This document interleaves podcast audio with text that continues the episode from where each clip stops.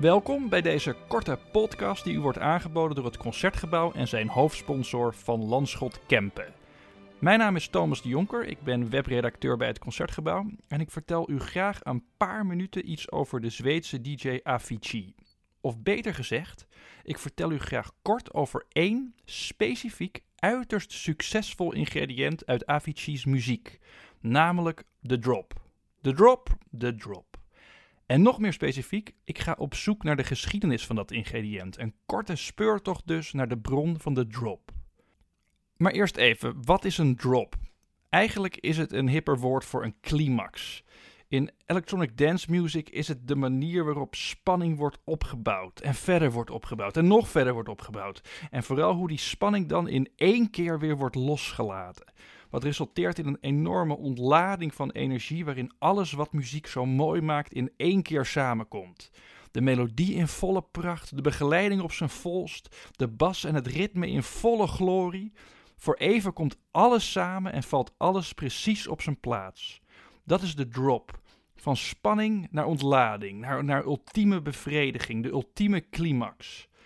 Het zorgt ervoor dat je als luisteraar uit je stoel wordt getild. Of of dat hele hordes mensen tegelijkertijd uitbundig aan het springen slaan. En Avicii, na zijn dood ook wel geroemd als de Mozart van nu, was een meester van die drop. Zijn nummers zijn eigenlijk een voortdurende aaneenschakeling van kleine en grote drops, waarin je als luisteraar naar steeds grotere hoogte wordt gebracht. Hier een drop uit Hey Brother van Avicii.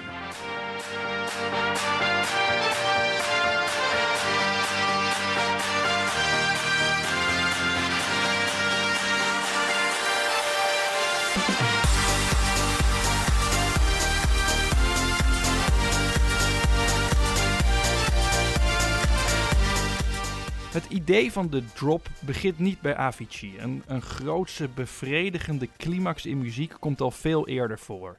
In de pop, rock, dance muziek is het een ingrediënt dat ongeveer vanaf de jaren 70 opduikt.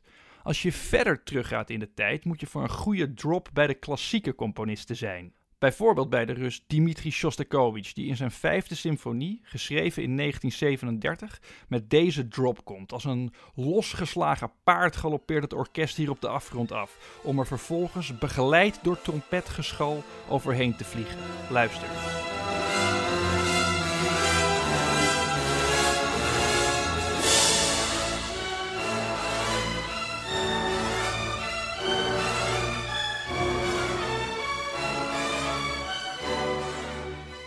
Vijftig jaar eerder, in de jaren 70 van de 19e eeuw, is daar als het over drops gaat bijvoorbeeld Tchaikovsky, de romantische componist bij uitstek, die ook wel wist hoe je de luisteraar kon bespelen.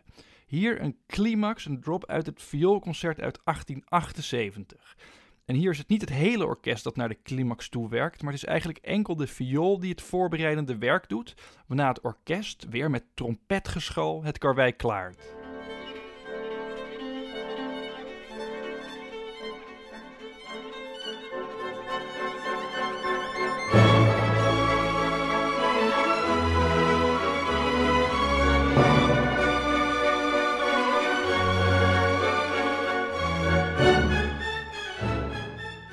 En dan nog een drop van uh, nog een halve eeuw vroeger, uit 1824. Eentje van Beethoven, die in zijn negende symfonie vanuit de bijna stilte in volle glorie deze wereldberoemde melodie dropt. Een melodie die het nog zou schoppen tot het volkslied van Europa.